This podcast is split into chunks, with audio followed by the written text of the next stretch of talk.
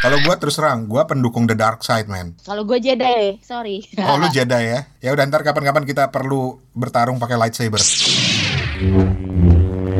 gue sampai sekarang nggak berani, nggak berani dan tidak mau nonton episode 49.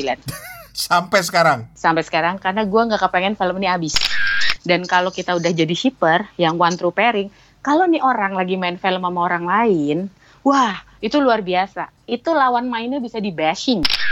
Jadi subtitle itu lu screen capture, Ya, terus lu Google Translate. yes. The whole film. Almost the whole film. Satu film itu durasinya berapa lama? Satu jam 15 menit. Edan lu ya.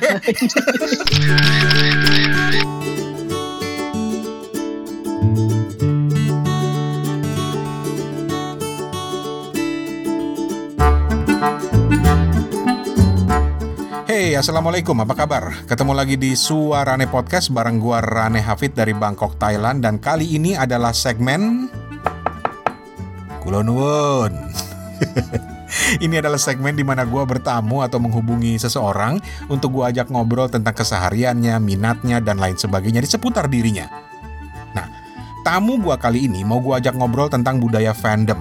Fandom itu ada yang bilang fanatic domain, ada yang bilang fanatic wisdom, atau bahkan ada yang bilang fanatic kingdom. Intinya fandom itu adalah kefanatisan pada sosok tokoh, artis, film, dan lain sebagainya orang-orang terkenal, tapi beyond sekedar jejeritan, oh so cute gitu ya. Beyond itu ternyata ada banyak banget banget hal lain yang gua nggak pernah tahu dari uh, culture fandom ini. Nah, ada latar belakang kenapa uh, gua angkat topik ini. Jadi, gua itu selalu nyinyir. Jujur, gua selalu nyinyir sama orang-orang yang memuja artis sampai berlebihan menurut gue ya. Tapi ya daripada nyinyir, gue coba cari tahu dong dan ternyata gue sadar fandom itu sejarahnya sudah jauh sekali ke belakang. Di tahun 60-an, salah satu ikon budaya pop dunia adalah gambaran cewek-cewek yang jejeritan sambil nguber empat cowok bernama John, Paul, George, and Ringo, The Beatles, siapa lagi? Nah, mereka inilah yang konon membentuk kultur fandom dunia lewat bukan sekedar jejeritan aja, tapi juga fan club atau majalah-majalah yang disebut sebagai fanzine dan lain sebagainya. Nah, di dunia film ada juga fandom, misalnya film seri uh, Star Trek atau Star Wars yang luar biasa gilanya, sampai pandangan mereka, opini mereka itu diperhatikan banget oleh para sutradara. Misalnya Gene Roddenberry, kreator dari Star Trek itu adalah salah satu yang sangat memperhatikan masukan para fans dan konon mempengaruhi jalan cerita Star Trek sampai sekarang. Please don't get me started on Star Wars, apalagi. nah, nah tamu gua kali ini adalah seorang teman baik namanya Misty Agustini, Misty kita panggilnya. Uh, dia ini seorang pekerja bidang komunikasi di Jakarta dan dari dulu gua kenal dia ini sangat fanatik pada tokoh-tokoh artis atau film favoritnya ya. Nggak semua, ada beberapa film-film yang sangat dia suka dan itu bener-bener fanatik banget. Lo nanti bakal tahu deh kegilaannya. Gua itu uh, misalnya belajar lebih mendalam tentang filosofi Star Wars itu dari dia dan uh, membuat gue lebih tertarik lagi pada Star Wars gitu ya. Nah, yang bikin gue lebih pengen lagi bertamu ke Misty adalah ketika gue tahu dia juga ternyata seorang fandom. Gue nggak tahu apa istilah itu yang benar ya, seorang fandom itu benar nggak istilahnya? Nggak tahu lah. Pokoknya kurang lebih dia itu uh, intinya ngefans berat sama film Meteor Garden terbaru, Meteor Garden 2018. Jadi gue pikir, wah menarik nih. Gue pikir dia ada di era fandom ketika uh, komunikasi itu masih terbatas banget tapi juga dia ada di era fandom ketika internet itu sudah menjadi sesuatu yang umum. Dunia menjadi semakin tak berbatas dan gila. Kultur fandom itu kemudian menjadi sangat luas. Jadi gue pikir, hmm, ini orang yang tepat. Dan lewat Misty, gue mencoba untuk mencari jawaban soal kultur fandom ini. Dan kita akan mulai dari Star Wars. Oke, okay, uh, kalau buat gue sih memang per fandom pertama gue adalah Star Wars, jujur. Hmm. Hmm. Tahun ya tahun jebot lah ya waktu gue masih cimit-cimit gitu. Dan uh, waktu itu Star Wars masuk ke Indonesia kan juga telat ya, maksudnya yep. kira-kira beberapa tahun setelah produksinya. Hmm. Dan uh, jadi ada dua genre yang bokap gue ajarin ke gue sebenarnya. Yang satu tuh film silat. Hmm. Dimulai dengan ngajarin gue baca Koping Ho. Tuh ya. itu fandom juga kok Pingho ya. Oh banget. Dari Bukeksia, Bukeksiansu sampai entah cucu cicit yang keberapa tuh gue dulu udah baca semua. Uh-huh. Nah, yang kedua adalah Star Wars karena bokap gue juga sangat menyukai science fiction. Nah, di situ tuh gue kayak apa ya kalau pertama kali nonton Star Wars tuh kan kayak membuka sebuah dunia baru aja nih yang namanya anak kecil gitu ya, hmm, masih hmm. yang merasa dunia gue cuma segini-segini aja tapi dengan uh, apa munculnya sebuah kendaraan bernama Millennium Falcon kayaknya gue bisa ke mana-mana nih yoi yoi ya kan nah di di di Star Wars itu justru tokoh yang paling gue suka bukan Luke Skywalker tapi Han Solo sampai sekarang buat gue Star Wars di Han Solo Nah, ini bisa panjang nih kalau ngobrol ini, tapi Yoi. kenapa lu milih Han Solo? Kalau gue terus terang, gue pendukung The Dark Side, man. Alright, kalau gue Jedi, sorry. Oh, lu Jedi ya? Oke. Okay. Ya udah ntar kapan-kapan kita perlu bertarung pakai lightsaber. Boleh, boleh, boleh. Nah, kalau gue kenapa Han Solo itu karena dia dia knight in shining armor tapi dia punya humble beginning. Hmm. Nggak tahu buat gue dia kan scoundrel, dia uh, penyelundup lah apalah gitu. Hmm. Dan gayanya dia kan selonong boy banget ya. Itu kayaknya gimana ya kayak representing freedom aja gitu buat gue. Lo itu begini loh, uh, you get what you want, you chase what you want, and be what you want, what you, what you want to be gitu aja. Dan buat gue apa ya, uh, Han Solo is the heart of Star Wars sebenarnya. Kalau hmm. nggak ada dia, Star Wars kagak seru lah kalau buat gue. Nah itu tuh mulai dari Star Wars yang pertama tuh, ya. Hmm. Terus mulai kan Empire Strikes Back. Di Empire Strikes Back apalagi udah mulai ada bumbu-bumbu percintaan toh sama Princess Leia. Yoi. Nah, nah itu udah dari situ gue itu yang namanya dulu akses untuk membaca Star Wars uh, uh, universe itu kan susah ya maksudnya nggak uh, uh, ada internet kayak sekarang. Nah di situ gue banyak ber apa tuh namanya berimajinasi lah. Mungkin istilahnya kalau zaman sekarang bikin fanfiction sendiri di diary. Oh gitu. Lu sampai bikin fanfiction Star Wars? Iya, eh, eh, edisi edisi ini, edisi analog ya waktu itu ya masih yoi, ya. Yoi. Hmm. Edisi hmm. pulpen dan kertas. Betul. Nah itu gue sempat bikin tuh, jadi nggak nggak tebel sih bukunya. Tapi pokoknya buat gue, what if-nya tuh banyak banget. What if begini, what if begitu. Karena waktu Star Wars um, uh, Return of the Jedi habis, itu kan kosong. Yes kayak nanggung banget nih. Kena kok habis sih? gitu. Aduh gimana ya? Gimana gimana gimana? Jadi ya udah gue berimajinasi aja. Itu adalah my first fan fiction. Eh tar lo jadi buat teman-teman yang belum yang belum ngerti fan fiction ini sebenarnya adalah uh, sebuah apa ya karangan atau tulisan fiction yang mengikuti uh, pakem dari misalnya Misty suka Star Wars, dia mengikuti pakemnya Star Wars, tapi menurut versi kita sendiri gitu loh, si fansnya. Pokoknya gue itu waktu itu karena gue saking sukanya Mahan Solo ya, hmm. dan tentunya Princess Leia dong ya. Oh. Jadi gue projecting them as a family. yang which is baru kejadian setelah berapa 30 tahun ya nih lama banget gitu uh, dan itu mengharukan sekali mengharukan sekali. Jadi gue benar-benar projecting de, uh, projecting them as a family. Hmm. Uh, tapi gue tidak pernah ngebayangin mereka punya anak terus terang ya. Jadi kayak kayak inilah namanya juga anak cewek usia SMP ya. Hmm. Kan kayak princess dan pangeran dan segala macam gitu. Tapi it's them. Luke was never there to be very honest ya. Oke. Okay. Uh -uh. Okay. Karena buat gue ya beda lah gitu. Nah, uh, ceritanya mostly about them uh, keseharian mereka lah. Uh, ya kalau kayak nulis diary aja. Jadi seolah-olah gue adalah Princess Leia kadang-kadang. Mm-hmm. kadang-kadang gue ya Han Solonya. Atau kadang-kadang gue jadi somebody else gitu yang yang ikut di Millennium Falcon. Gak ada perang-perangnya loh. My fan fiction tidak ada perangnya sama sekali. Karena gue nggak ngerti gimana nulisnya. Mm. seru seru seru ya nah setelah uh, Star Wars mulai nih masuk tuh banyak film silat kan di Indonesia ya? Mm -hmm. dulu uh -uh, pakai masih zaman itu tuh yang pakai tape sih nggak usah disebut apa nih nih. Nah ya disebut dan, juga udah nggak ada yang paham bis Mulai dari VHS sampai Betamax ya. Yoi. Lu sebutin aja orang juga disket aja udah nggak tahu sekarang anak-anak iya. sekarang. Iya, exactly. Nah itu tuh gue mulailah nonton film, uh, film silat. Princess Chumping adalah film silat yang pertama gue tonton dan itu yang selalu stuck sama gue sampai sekarang Princess Chumping. Hmm. Dan ya benar, memang itu kayaknya gue SD kelas kelas 5 kelas 6 deh gitu ya, hampir hmm. SMP lah dan uh, minat gue terhadap anything to do with China mau budaya bahasa uh, culture atau apa tuh nggak tahu kenapa ya muncul aja gitu padahal hmm. waktu itu kan masih tertutup banget mereka ya Yoi. jadi se uh, sebuah misteri lah buat gue nah uh, itu tuh mulai dari Princess Chumping terus uh, Toliong To uh, Cynthia Hiaplu Hyong dan semua semua semuanya dulu majalah remaja kesayangan kita semua tuh setiap bulan pasti ngebahas satu seri film silat kan. Uh -uh. Uh -uh. Dan itu gue koleksi semua yang ada film silat dan gue bendel.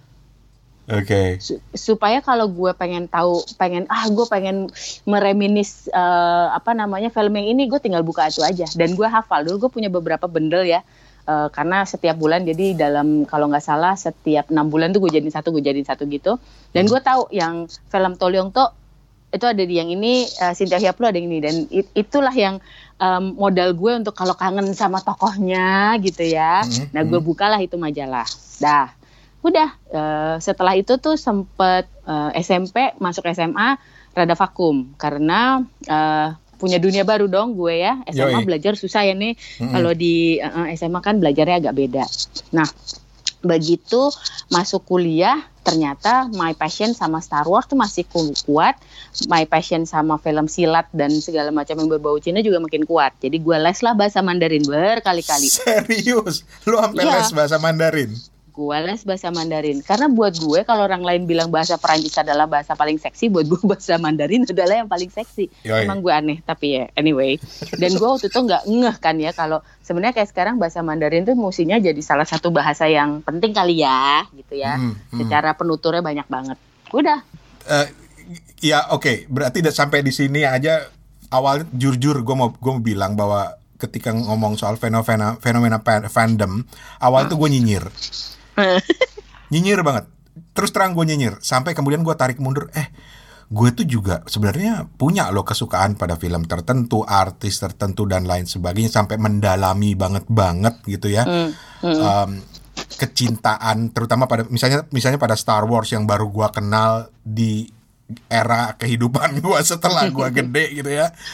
Walaupun gue udah pernah nonton beberapa episode tapi gue nggak pernah bisa appreciate dan akhirnya gue mencoba untuk appreciate Hmm. Sampai anak gue sendiri bingung ketika misalnya gue nonton The Last Jedi, mata gue berkaca-kaca ketika ngelihat Yoda misalnya. Walaupun masih hanya dalam bentuk hantu apa ghost apa apa gitu, itu itu benar-benar bikin gue kayaknya apa sedih atau hmm. terharu atau gimana. Hmm. Dan anak gue nggak bisa paham. Di situ gue, gue bilang gue bilang, hmm anak gue ngefans sama Meteor Garden tuh sampai bisa berkaca-kaca loh kalau nonton hmm. gitu. Ternyata bapaknya juga begini. Tapi, like father like daughter ya. itu dia beda aja. Andai dia juga suka gitu ya Star Wars. Yeah. Oh.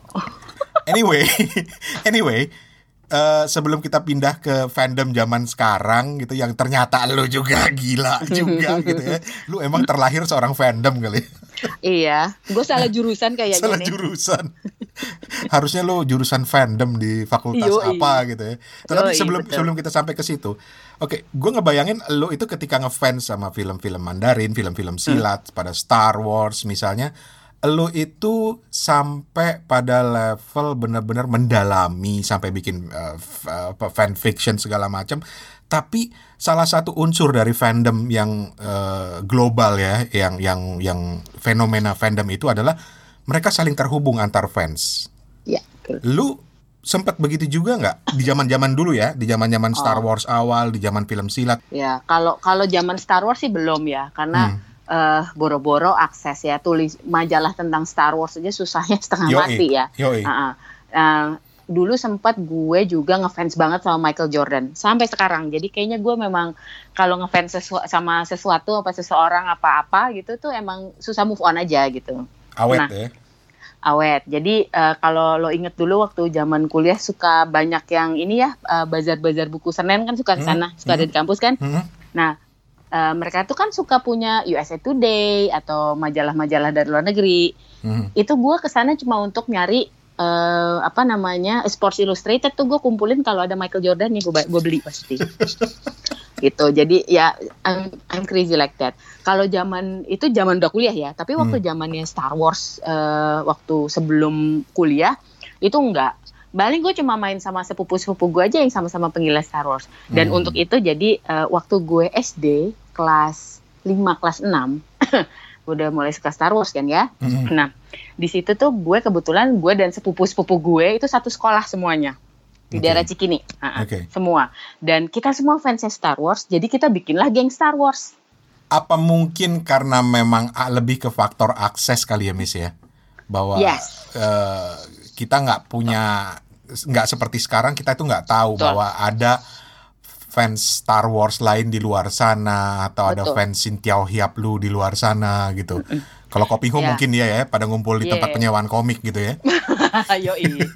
Nah, kalau kalau untuk yang film silat itu kita ter terhubungnya tuh lewat majalah itu. Jadi hmm. kan uh, ada surat eh surat pembaca sih ya begitulah ya, surat hmm. hmm. untuk redaksi biasanya kan. Hmm. Nah, dari situ kan kita bisa tahu siapa aja nih yang bertanya soal ini, yang bertanya soal ini.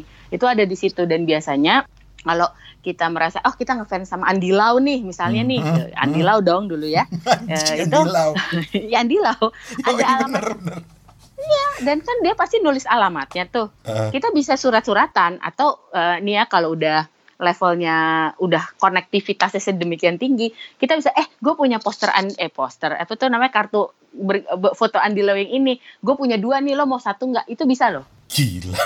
Gue pernah tukeran gitu. jadi malu ah nih tapi dulu tuh kita uh, sering banget ke Blok M uh-huh. karena di Blok M itu kan suka banyak yang jual ya kalender, poster dan segala macam ya. Yoi, yoi. Kartu artis film Hong Kong tuh banyak banget di situ. Modalnya cuma itu. Jadi memang faktor akses ke informasi itu sangat mempengaruhi gitu ya. Yes, betul.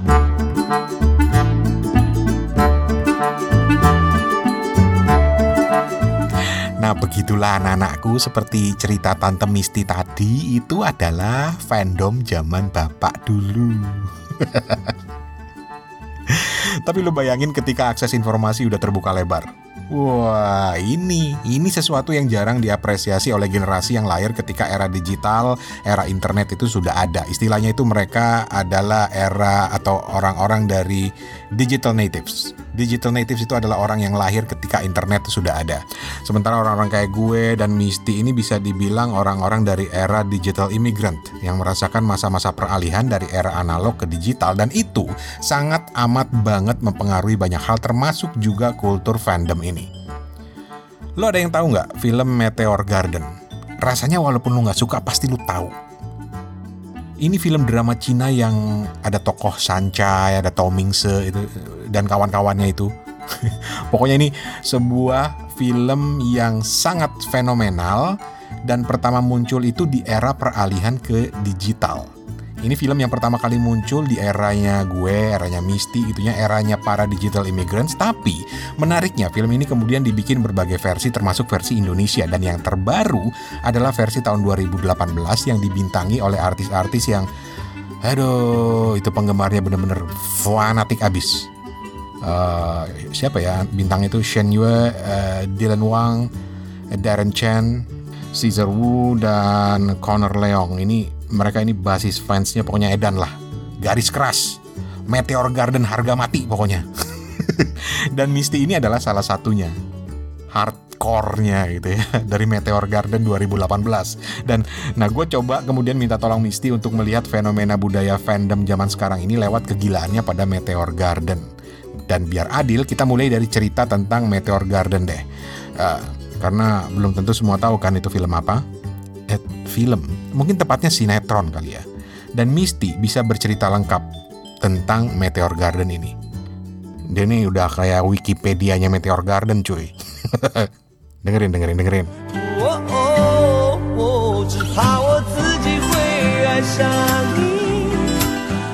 jadi oh oke okay. ini cerita deh gue jadi okay, ini okay. um, jadi um, Meteor Garden itu kan uh, mungkin pada tahu juga uh, sebenarnya asalnya dari komik yang eh, manga yang dibuat oleh Yoko Kamio hmm. dari Jepang toh. Hmm. Terus tahun 2001 adalah seorang produser dari Taiwan yang mengambil komik itu untuk dibuat sebuah sinetron sebenarnya ya. Sinetron betul. Bahasa. Betul. Sinetron benar, sinetron. Uh, ada. Jadi Anggi Chai ini yang membuat sinetron Meteor Garden di original hmm. dari Taiwan dengan budget yang ala kadarnya saat itu. Tapi uh, tan tak disangka tak dinyana ternyata popularitasnya sedemikian luar biasa. Belum ada Netflix ya saat itu hmm. gitu. Tapi uh, uh, kalau nggak salah sampai SCTV pun bikin bikin edisi bah edisi versi Indonesia-nya waktu itu. Bukan dubbing ya? Bukan, jadi versi Indonesia yang main Roger dan Warta tuh gue inget banget. Yo, sama Leoni.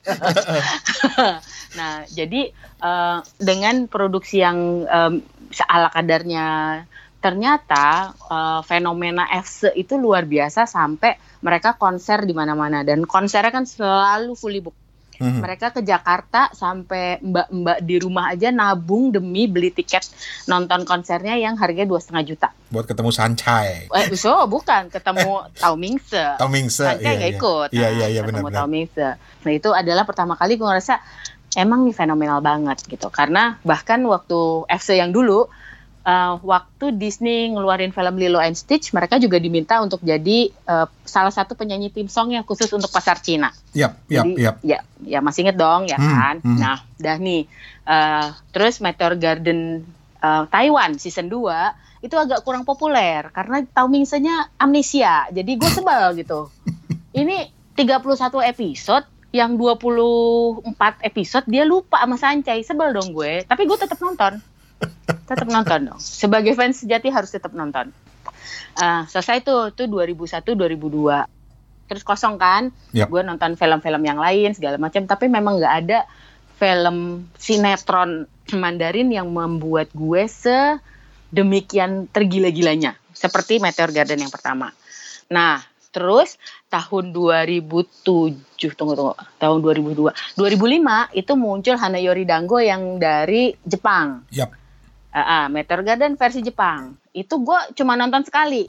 Karena buat gue bahasanya kurang kurang suka nih gue karena hmm. gue kan ini ya uh, agak audio jadi ah nggak suka bahasanya jadi gue berhenti tuh nonton di uh, apa namanya episode 2 uh. ya udahlah nggak apa-apa gue tahu ceritanya anyway gitu 2009 muncul yang Korea punya Boys Before Flower ini adalah versi yang sampai sekarang gue nggak bisa lewat dari episode 2 pertama gue nggak kurang kurang suka bahasanya hmm. yang kedua ini terlalu violent aja buat gue. Oke. Okay. Ya, nah udah nih kosong lagi tuh dari 2009 sampai kemarin 2018. Nah pas 2018 ini gue itu baru pulang dari Korea waktu itu liburan anak sekolah kan, hmm. balik masuk kantor, terus teman gue nih milenial, eh bukan Gen Z malah Gen Z bilang ini, mbak ada Meteor Garden baru loh, hah yang benar, ini yang lama, enggak, ini yang baru gitu. Uh, gimana ceritanya sama nggak? Sama. Yang main cakep loh, siapa? Itu. Jadi ternyata ada uh, coverage di koran sama mereka di clipping terus ditempelin lah di tembok depan mereka hmm. gue datengin dong gue baca wow lucu juga nih orang gitu kan hmm. ya visual kan ya pertama oke deh gue coba nonton gitu nontonnya di mana gue itu bukan tipe yang suka nonton di small screen terus terang waktu yeah. itu pada saat itu. Netflix baru gue download. Hmm. tapi nggak ada mbak di Netflix. Adanya di View. Oke okay, fine. Jadi gue cobalah download View. Udah. Malam itu juga gue nonton episode pertama langsung episode kedua episode ketiganya belum ada stres hmm. dong gue hmm. besok gue nanya kok gak ada episode ketiganya iya mbak mereka cuma tayang itu selain Selasa Rabu masing-masing dua episode jadi kalau masuk di view udah ada subtitlenya baru hari Jumat oke okay. ya udah gue tunggu hari Jumat terus kayak gitu akhirnya da, karena gue tunggu semuanya sampai seminggu setiap hari Sabtu Minggu itu ya gue habisin aja semua 6, 6, 6, 6. Pertengahan uh, Agustus saya mulai sedih, sebentar lagi habis. Hmm. Apa yang harus kulakukan? Tapi di saat itu tuh gue udah mulai merasa, waduh ini kayaknya nggak cuma sekedar uh, senang melihat the pretty face nih, karena yep. walaupun ceritanya sama uh, dengan beberapa uh, apa ya namanya perubahan karena disesuaikan dengan perkembangan zaman, buat gue the way they make the character alive itu cocok banget yang sekarang dengan apa ya ekspresi yang sangat komikal enak dilihat lucu. Terus apa namanya uh, skenario nya juga benternya tuh lucu banget. Uh, oke okay lah buat gue. Dan ini adalah saat di mana gue merasa loh setelah sekian lama gue mencari film silat karena sebelumnya gue tuh nonton film silat. Mm -hmm. uh, kan remake nya uh, Sia Tia Weng Hiong, Sin Tia Hia plus segala macam juga ada banyak sebenarnya. Yep, yep. Mm -hmm. tapi yang ini tuh benar-benar yang aduh kenapa ya kok gue nggak bisa berhenti? Udah nih film habis dong kan 28 Agustus adalah episode terakhir uh, itu 49 episode nih. Gue sampai sekarang nggak berani nggak berani dan tidak mau nonton episode 49 sampai sekarang? Sampai sekarang karena gue nggak kepengen film ini habis. Ya karena gue nggak ready untuk say goodbye gitu loh sama all the characters. Oke. Okay. Dan nih itu uh, akhir Agustus ya. September udah dong mulai kayak orang sakau gitu ya nek. Hmm. aduh gimana nih? Mulailah gue gila oke okay, gue mau cari berita tentang mereka dari mana ya? Oh di Weibo pasti ada. Gue download Weibo. Uh, masuk segala macam kagak ngerti bahasanya. No worries. Yang penting ada Google Translate ya. Jadi gue screen capture gue masukin Google Translate terus gue liat oh ngomongnya begini. Edian. ada lagi begitu. Edian terus melalui gue mulainya dari Pinterest gue cari. Wah banyak nih foto-fotonya. Terus ternyata eh oh di Instagram juga ada. Oke gue masuk dong Instagram semuanya. Oktober kan 4 bye bye tuh hmm. otomatis semuanya ke Instagram dong. Hmm. Di Instagram gue mulai nih, oh ternyata pembahasannya ada yang ngebahas ini, ada yang ngebahas ini, ngebahas ini. Udah, gue follow lah beberapa teman-teman di sana. Ternyata mereka itu bukan cuma orang Asia, orang Kanada, Amerika, Australia, Norway, Italia, Prancis, India, UK, dan kalau kalau sempat lihat ya mereka tuh posting Instagramnya bukan ini orang lucu banget sih cakep banget enggak exactly. tapi ngebahas ngebahas bajunya itu uh, merek apa, uh, harganya berapa, Buset. desainernya siapa, sepatunya apa, terus nggak nggak cuma itu, lihat deh kalau misalnya Tao Mingse itu dia uh, the Holy Trinity color palette-nya adalah uh, biru, merah, putih. Edan. Sancai itu pink, uh, baby blue sama putih. Gitu. Kalau iya, kalau Mechuo itu biru, dia tuh cookie monster dibilangnya. Terus kalau Lei itu semua warna-warna yang subdued, yang yang warna-warna earth gitu. Hmm. Si Simon itu dia warnanya selalu bold dan ada hijaunya. Itu dibahas sama kayak gitu. Oke. Okay. Itu uh, every outfit on Meteor Garden. Let me stop you there first. Iya. Yeah. For you. Oke, okay sebelum kita lanjut, gue mau pengakuan dulu kenapa gue selalu nyinyir sama yang namanya fandom. Iya. Karena setiap kali denger fandom, itu gue selalu teringat pada uh, mul entah itu dari fandom zaman Beatles sampai sekarang yang teringat mm -hmm. pada gue adalah cewek-cewek yang jadi oh so cute, oh my god, gak tahan gue. gue tuh,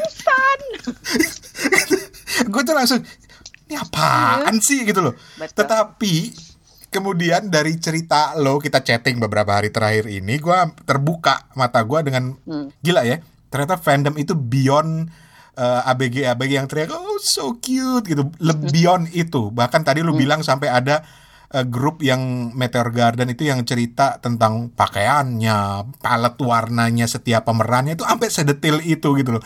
Nah, meminjam Meteor Garden untuk melihat fenomena fandom lain, gue minta tolong dong lu ceritain lagi Miss sampai hmm. segila apa sih karena dulu itu yang namanya fandom itu kan masih terbatas pada uh, fanzine misalnya mm -mm. atau fanfiction misalnya. Mm -mm. Tetapi mm. ketika era komunikasi internet itu sudah sedemikian gila sekarang, ternyata itu berkembang menjadi hal yang yang nggak pernah kebayang. Contoh satu contoh iya. sebelum yeah. kita masuk ke Meteor Garden lagi Hmm. Di Jepang itu ada namanya kelompok yang disebut sebagai rail fan, penggemar kereta api. Yeah. Fine. Yeah. Gue pernah datang ke gathering mereka karena gue suka kereta api. Fine, hmm. gue senang gitu. Gue duduk di antara mereka, walaupun nggak terlalu ngerti bahasa Jepang mereka, tapi oh menarik ya. Mereka bisa hmm. membahas mesin-mesin kereta. Mereka bisa membahas oh jenis-jenis bento kereta itu seperti apa mereka hmm. koleksi. Itu fine sampai kemudian gue nggak bisa masuk di akal gue ketika ada satu subgrup mereka yang tampil ke panggung waktu ada acara gathering dan bisa menirukan suara kereta api yang berbeda-beda. Wow. Buat gue itu udah gila. itu itu udah beyond beyond comprehension banget karena lu gila lu lu bisa niruin suara kereta ntar ntar gue putar di rekamannya gue hmm. masih simpan ntar gue putar nanti di di bagian ini ya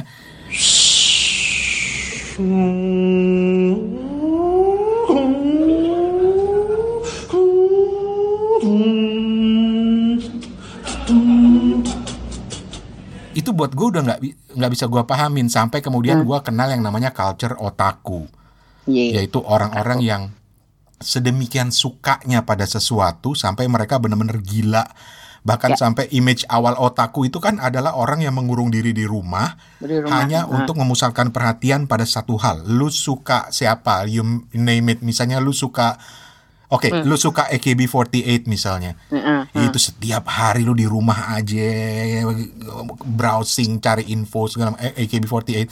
Tetapi ternyata itu berkembang menjadi sebuah subculture yang menarik.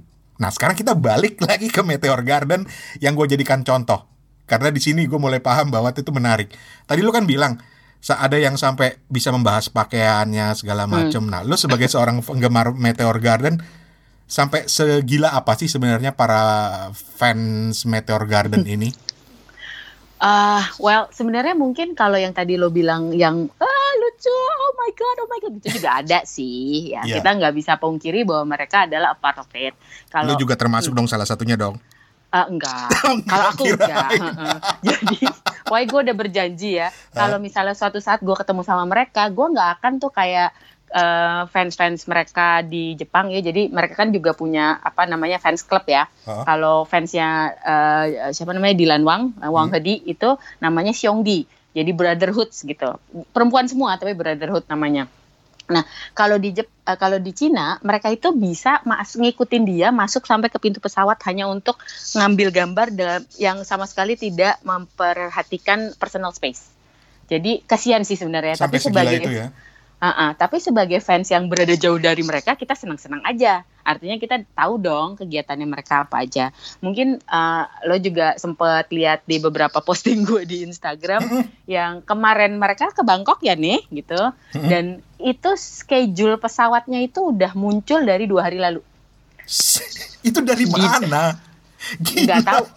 Pokoknya punya. Jadi uh, Didi, Didi itu dia berangkat dari sini pesawatnya ini si Guan Hong dari sini pesawat ini, si eh, si Sisa dari sini, uh, Kang Kang dari sini tuh udah ada semuanya. Dan hmm. uh, being the crazy fans that I am gitu ya. Hmm. Dan gue kan fans pesawat juga ya, jadi Flight Radar 24 dong. Apa sih yang lu nggak ngefans? uh, ya, gue nggak ngefans kalau nggak bisa makan sini, okay. gak bisa makan enak nggak ngefans. Okay. Um, jadi gue sampai follow oh oke okay, ini yang ini si Didi ini udah mendarat nih gitu terus gue tunggulah sebentar lagi setengah jam lagi pasti muncul di Instagram bener itu lu follownya di mana Instagram Enggak maksudnya sampai mereka flight mereka oh. udah di mana oh. Flight Radar 24 men Oke, okay, lu lu you, you have to explain it to me. I, I gue nggak ngerti uh, maksudnya apa. Oke, okay. jadi gue tuh punya satu app namanya Flight Radar 24. Oke. Okay. Hmm. Flight Radar 24 itu sebenarnya tracking pesawat-pesawat yang sedang terbang di seluruh dunia pada saat real time. Ah, oke, okay, oke. Okay. Ya, jadi uh, gue tuh tinggal kalau gue tahu nomor pesawatnya, gue tinggal masukin aja uh, pesawat nomor sekian gitu. Nanti dia akan point, oh pesawatnya udah di sini, gitu. Uh, masih dua jam lagi nyampe Bangkok gitu misalnya, atau oh dia baru baru terbang atau dia udah mendarat itu ketahuan. Sorry ya Miss, misal, sorry ya Miss, gue break uh, bentar ya. Iya, iya. Ngefans ngefans, but what is the point sampai lu ngikutin perjalanan pesawat mereka? Uh, gak tahu ya nih, tapi kayaknya gue pengen memastikan bahwa mereka safe safely arrive in the destination. Oh, Oke, okay. lanjut, lanjut, lanjut, lanjut. Ya, ya, ya, ya. Ya, jadi kalau misalnya lo nggak tahu nomor pesawatnya, lo tinggal cari aja uh, airportnya apa dia mau ke mana gitu ya lo tinggal cari aja nih yang kira-kira jamnya pas biasanya dapat sampai ke airport airport yang kecil juga juga ada jadi itu itu untuk udah udah ngikutinnya kayak gitu balik ke teman-teman gue di Instagram yang dari berbagai belahan dunia itu hmm. kita punya uh, macam-macam sih ya uh, nah ada satu dia orang Itali uh, tinggal di Itali, tapi kayaknya dia ngerti bahasa Mandarin dan dia ngeba namanya Lost in Meteor Garden Translation. Hmm. Jadi dia tuh ngebahas setiap kalimat yang dipakai oleh uh, para uh, karakter ini. Jadi di di Cina kan ada yang namanya Cheng Yu. Cheng Yu itu artinya kayak pepatah gitu loh. Hmm. Dan bahasa Cina kan selalu ada pepatahnya. Dan itu dia bahas dari episode 1 sampai episode 48. 48. Ada berapa Cheng Yu? Terus ini bahasa bahasa Mandarinnya, bahasa Inggris terjemahannya ini, bahasa bahasa Prancis ini, bahasa Itali ini, bahasa Spanyol ini, bahasa apa satu lagi ya, gue lupa. Itu itu itu dia bahasa di mana? Di Instagram. Uh. Asli. Jadi makanya gue bilang nih gue ngefans ikutan fandomnya Meteor Garden ini semacam belajar dapat degree yang baru, linguistik, sastra, literaturnya dapat, mulai dari uh, penyutradaraan dapat, terus color palette segala macam grooming dapat pop culture tentang oh dia pakai baju ini uh, mereknya Valentino harganya sekian. Yang ini lihat deh sepatunya ini eh dia punya waktu Karl Lagerfeld meninggal kemarin uh. itu selama dua hari di grup yang gue bukan grup sih, maksudnya di di apa namanya yang gue follow follow itu, hmm. mereka tuh ngebahas berapa banyak baju Karl Lagerfeld atau Chanel yang dipakai sama uh, uh, karakter-karakter di Meteor Garden dua hari ngomongin cuma itu doang. Oke, okay. ini ini kalau dari sampai di sini aja gue masih bisa relate dalam artian uh, gue tahu ada podcast sekarang sayangnya udah nggak publish sih, tapi ada podcast yang misalnya Star Wars by minute. Dia hmm. benar-benar membahas setiap adegan Star Wars itu hmm. by minute. Hmm. Itu gila. Atau misalnya uh, kalau terkait dengan linguistik, gue tahu ada beberapa teman gue bahkan orang Indonesia yang sampai bisa bahasa Klingon sebagai seorang hmm. penggemar Star uh, Star Trek. Star Trek ya. Gitu. So itu masih gue bisa pahamin. Nah, gue mencoba memahami lagi karena ini ternyata beyond sekedar oh so cute bahwa lu merasa lu mendapatkan banyak banyak pemahaman sampai lu bisa udah istilahnya udah kayak kuliah lagi gitu loh. Iya. Iya, ya bahkan sampai ada yang tinggal di London dan dia itu benar-benar mencari spot-spot di mana mereka syuting waktu mereka syuting di London itu seminggu. Jadi dia datengin ke semuanya dan uh, di sini mereka waktu adegan ini ngomongnya ini si Sancai di sini, Mingse di sini gitu. Jadi dibahas hmm. itu kayak gitu. Nah, kalau yang sekarang nggak tahu kalau dulu mungkin dulu namanya beda ya. Tapi sekarang itu kan fans itu dibagi dua individual fans yang misalnya mm-hmm. gue ngefans sama Dylan Wang aja gitu. Okay. Ada juga yang gue ngefans sama F, F, FC gitu. Tapi ada juga mm-hmm. shippers. Apa shippers? Shippers. Fenomena shippers tuh adalah uh, yang fans sama OTP. Nah, OTP itu namanya one true pairing. Jadi let's say. Oke, okay, ntar lo, ntar lo. Ini, ini, ini susah banget nih, ribet, agak ribet. Oke. Okay. Shippers dulu. Shippers ini apa, tulisannya S H I P P E R. Iya, shippers. Jadi kayak ships kapal. Ship kapal. Jadi huh? kayak relationship tadinya kan dari re oh. relationship gitu. Nah, itu okay. jadi biasanya di setiap sinetron atau drama itu kan pasti ada ada tokoh utamanya nih sepasang, hmm. ya kan? Hmm. Nah, ini yang kita sebut sebagai one true pairing. Jadi let's say uh, kalau dalam kategori Meteor Garden ya Tao Mingse sama Sancai, Dilan yeah. Wang sama Shen Yue. Udah, hmm. Shipper-shippernya mereka itu namanya kalau nggak Diu atau Dishen. Gila. Ini fenomena yang terus terang gue baru dapat. Mungkin dulu gue udah shipping juga sih ya Han Solo sama Princess Leia, cuma yes, belum ada namanya.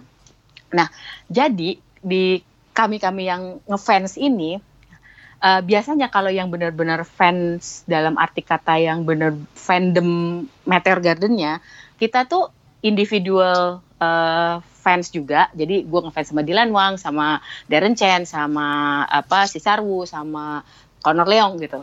Dan sama Sen Yue. Tapi ada yang cuma enggak, gue cuma ngefans sama Dylan. Gue cuma ngefans sama Sen Yue. Ada juga yang enggak, gue nggak ngefans mereka masing-masing, tapi mereka harus jadi bersama. Dan itu kalau di grup bisa berantem. Edan. Asli berantemnya tuh sampai bener-bener kayak sampai lo gue kick dari grup itu sampai kayak gitu gitu loh jadi uh, next level benar next level dan kalau kita udah jadi shipper yang one true pairing kalau nih orang lagi main film sama orang lain wah itu luar biasa itu lawan mainnya bisa di bashing buset di bashing bener dan terutama okay. jadi ini gue cuma mencoba memahami aja misalnya siapa si tokoh Dilan Wang uh -huh di Meteor Garden, uh -uh. terus dia main di film lain, terus dia di film itu dia pacaran sama tokoh lain, uh -uh. tokoh itu diser diserang. Diserang. Diserang. Jadi itu udah kejadian gini. lucunya gini ya, jadi waktu uh, waktu di Dylan sama Senyue ini masih main jadi bareng, itu shippers hmm. kan karena mereka chemistry-nya kuat banget sih terus terang ya. Jadi kita merasa sebenarnya nih mereka nih one true pair, pairing banget gitu. Yang individual fansnya Dylan itu bisa bilang, ah Senyu jelek apaan sih gitu, dia nggak cocok sama Dylan gini-gini. Yang fans hmm. beratnya Senyu bilang, aduh apaan sih dia anak kecil gini gini gini gini gini gini. Oh by the way Dylan Wang umurnya baru 19 tahun ya waktu itu ya. Terus, okay. uh -uh. nah pas mereka main di tempat lain, jadi abis itu Shen main di film lain, Dylan Wang main di film lain. Itu yang namanya pasangannya Dylan Wang sekarang di di Evernight 2 yang lagi itu, itu di bashing habis-habisan.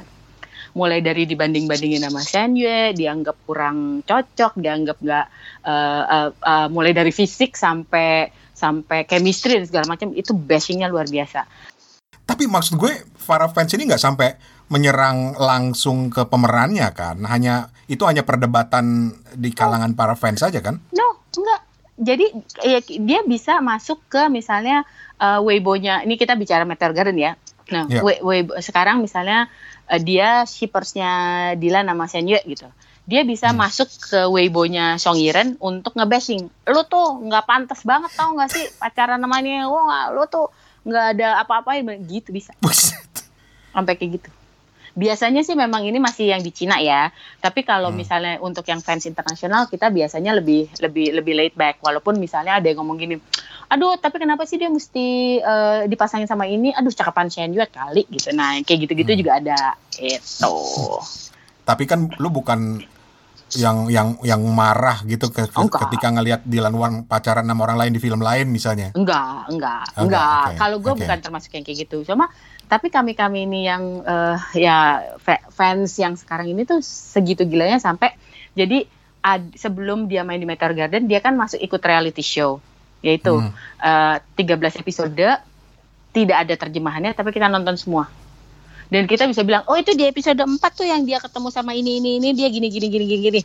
Tapi belum ada terjemahannya. Uh, bagaimana cara kita paham? Ya itu tadi screen capture masukin Google Translate dia ngomong apa sih? Oh ini karena biasanya kan ada subtitle bahasa Mandarinnya. Stop lagi di situ.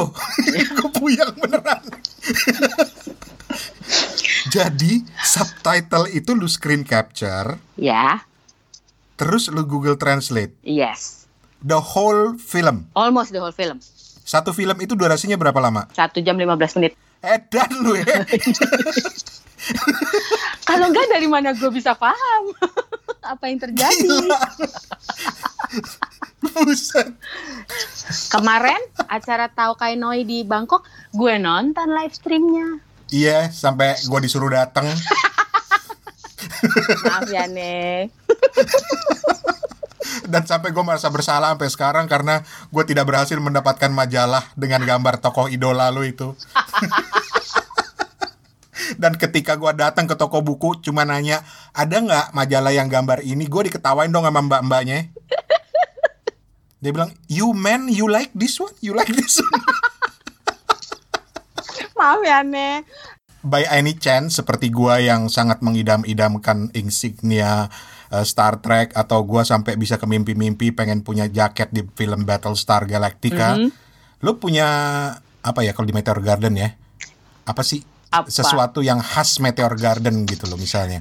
Aduh ini beneran hmm. nih nanyanya baju atau kalung atau sepatu atau apa gitu lu sampai selevel itu nggak ini sih? beneran ya nanyanya kamu eh, seperti gue bilang tadi waktu kita off air hmm. feel free untuk tidak menjawab kalau lu nggak nyaman oh gue sih nyaman nyaman aja oke gue akuin ada jadi pertama Uh, gue waktu kebetulan dapat kesempatan pergi ke Beijing, gue sampai ngegeret teman-teman gue dari dua negara lainnya, tiga sorry, tiga negara lainnya untuk hmm. nemenin gue mencari toko di mana FC itu jadi endorsernya. Terus akhirnya gue ketemu lah sama nih toko kan si Trendiano itu. Gue cuma sampai ke sana tuh, yay, this is it gitu dan gue beli kaosnya dong satu yang ada tanda tangan mereka berempat. Itu itu gue beli itu niat banget it's just kaos biasa tapi for me sampai sekarang masih di plastik gue nggak mau pakai terus yang kedua uh, eh, gue tahu Didi di Lenwang itu um, sangat menyukai AJ sepatu Nike yang Air Jordan Air Jordan oke okay. uh -huh. uh, gue penyuka sneakers Tapi gue hmm. belum pernah kepikiran untuk punya EJ karena okay. sepatu basket. Gue dulu main basket, tapi kan sekarang udah gak mungkin ya main basket ya. Jadi ah, hmm. gue bilang lah gitu sama suami, karena dia paham banget betapa istrinya gila, dan gue paksa dia juga nonton Meteor Garden. Ah, buat kado Natal nanti gak usah repot-repot deh, gue uh, pengen EJ aja gitu. Gue hmm. pikir hmm. dia akan menanggapi dengan, ya oke okay, gitu. Enggak loh, beneran dicariin. Oh my god, so sweet. iya, gue jadi punya EJ satu. Terus um, gue itu punya parfum dari dulu cuma satu. Gue cuma suka satu brand. Tapi gara-gara Meteor Garden, mm-hmm. Parfum yang ada di Meteor Garden itu gue beli sampai dua botol. Ya, saya segila itu. So, oke. Okay. Dari cerita tadi, gue bisa bisa appreciate lah ya fandom beyond so cute oh, gitu, iya. bahwa ternyata banyak unsur-unsur lain. Hmm. Dan ini karena di awal tadi kan gue bilang gue nggak yakin deh gue ini seorang fandom, tapi tiba-tiba gue teringat gue pernah cerita sama lo di Instagram bahwa misalnya gue lagi ngefans banget sama uh, yeah. seorang aktris yang namanya Antonia Thomas. Yeah. Itu sampai film-filmnya gue hafal. Yeah. Uh, sampai gue betah uh, ngulang-ngulang film-filmnya ada uh, Misfits, mm. uh, Love Sick, Musketeers, The Good mm. Doctor, mm. dan dia juga seorang uh, dabernya Teletubbies mm. misalnya. Mm.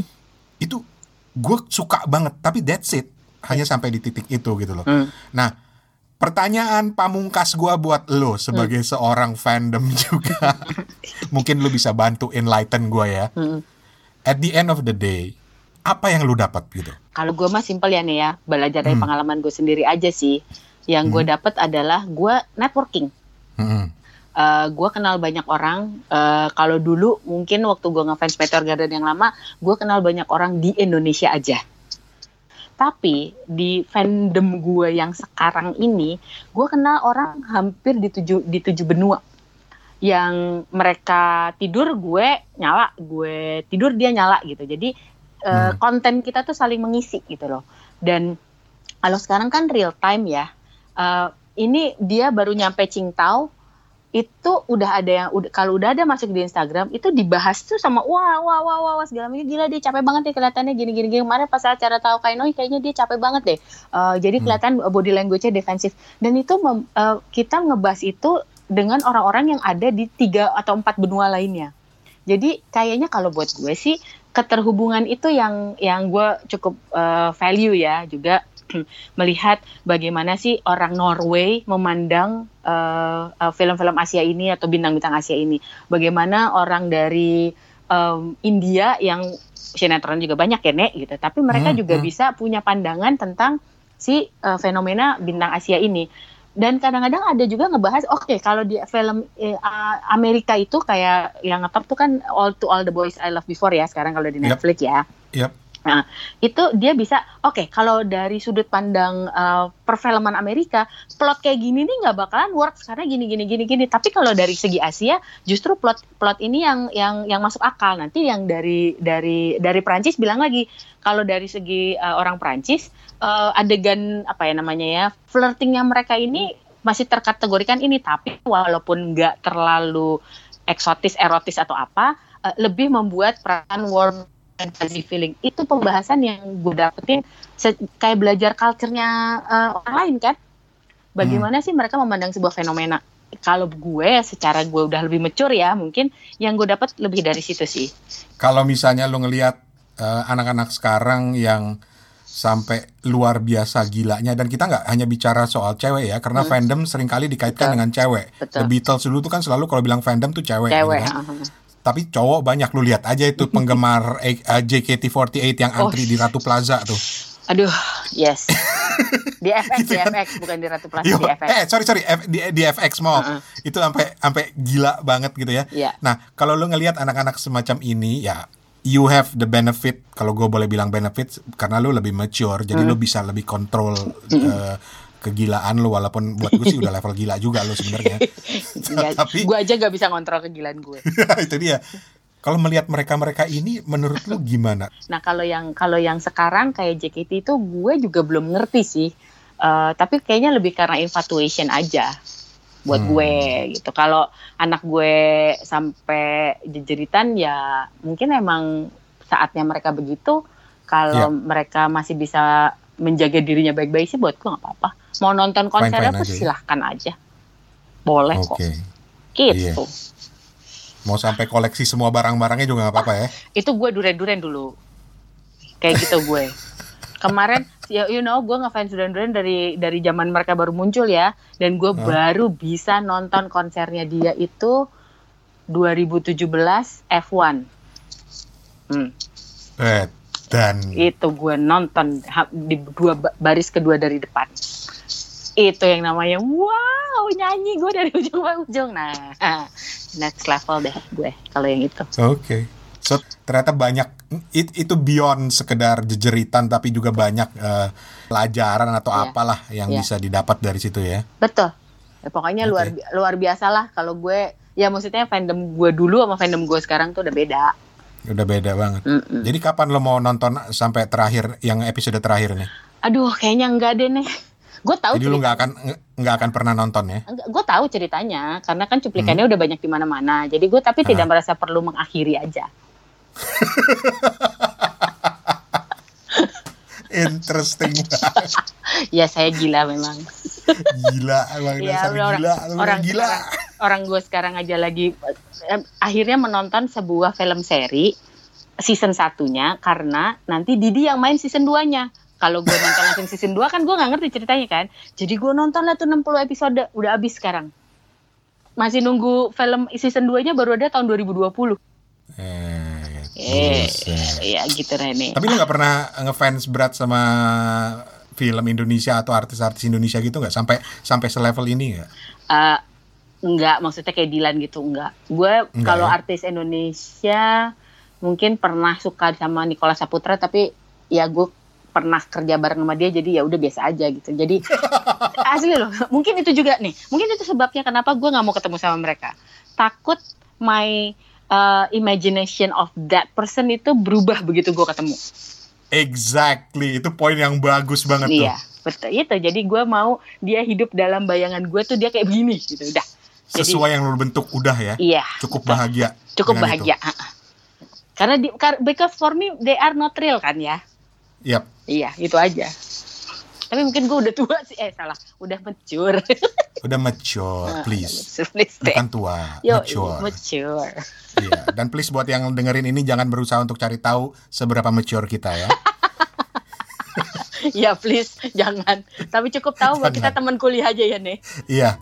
So, thank you banget Miss. Aduh, thank you banget ya nih. Uh, uh, gue juga Gila. seneng karena apa uh, bisa mengeluarkan apa yang selama ini gue pendam sendiri. Cih, apaan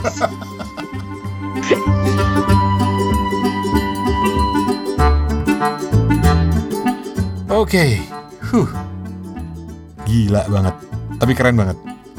Makasih banget buat Misty yang udah mau ngoceh panjang lebar sampai gue bingung nih mau gue edit bagian mana. Lagi banyak banget informasi, tetapi menarik, menarik banget dan semoga hasil uh, podcast yang ini bisa memberikan gambaran yang adil ya Miss tentang ke fandoman lo pada khususnya dan budaya fandom pada umumnya mudah-mudahan gitu.